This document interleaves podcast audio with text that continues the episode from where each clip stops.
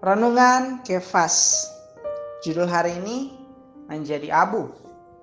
Firman Tuhan dalam Daniel pasal 9 ayat 3 berkata, Lalu aku mengarahkan mukaku kepada Tuhan Allah untuk berdoa dan bermohon sambil berpuasa dan mengenakan kain kabung serta abu.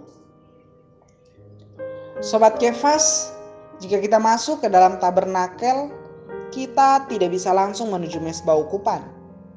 Pertama, kita harus mendatangi meja sajian, lalu kaki pelita, dan setelah itu tabut kesaksian dalam ruang maha kudus. Dengan demikian, kita akan siap datang untuk berdoa syafaat di mesbah ukupan. Lalu apa hubungannya dengan kita? Ternyata tingkah laku, pandangan, dan kebajikan kita semuanya sejajar dengan diri alamiah kita yang berlawanan dengan Kristus sebagai kesaksian Allah yang adalah lambang dari tabut kesaksian. Maka dari itu kita perlu menjadi setumpuk abu. Jika kita telah menjadi setumpuk abu, apakah kita masih akan memiliki tingkah laku kita yang alamiah, pandangan kita yang alamiah, dan kebajikan kita yang alamiah?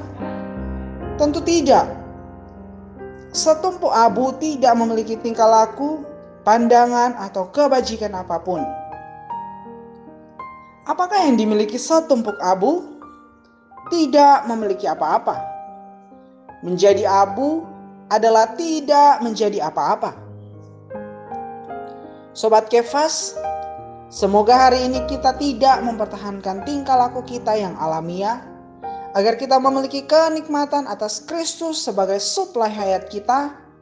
Kita tidak memiliki pandangan alamiah, agar kita mendapatkan Kristus sebagai terang kita, dan kita tidak memiliki kebajikan alamiah, agar kita mendapatkan Kristus sebagai ukupan kita supaya kita bersyarat untuk berdoa syafaat di mesbah ukupan.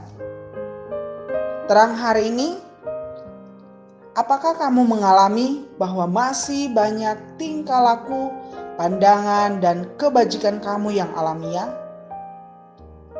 Apakah kamu mau menjadi setumpuk abu agar dapat berdoa syafaat? Mari saudara-saudari kita berdoa meminta Tuhan agar kita tidak mempertahankan tingkah laku, pandangan, dan kebajikan kita yang alamiah. Agar Tuhan membawa kita dalam pengalaman berdoa syafaat di mezbah ukupan. Puji Tuhan, Tuhan memberkati saudara-saudari.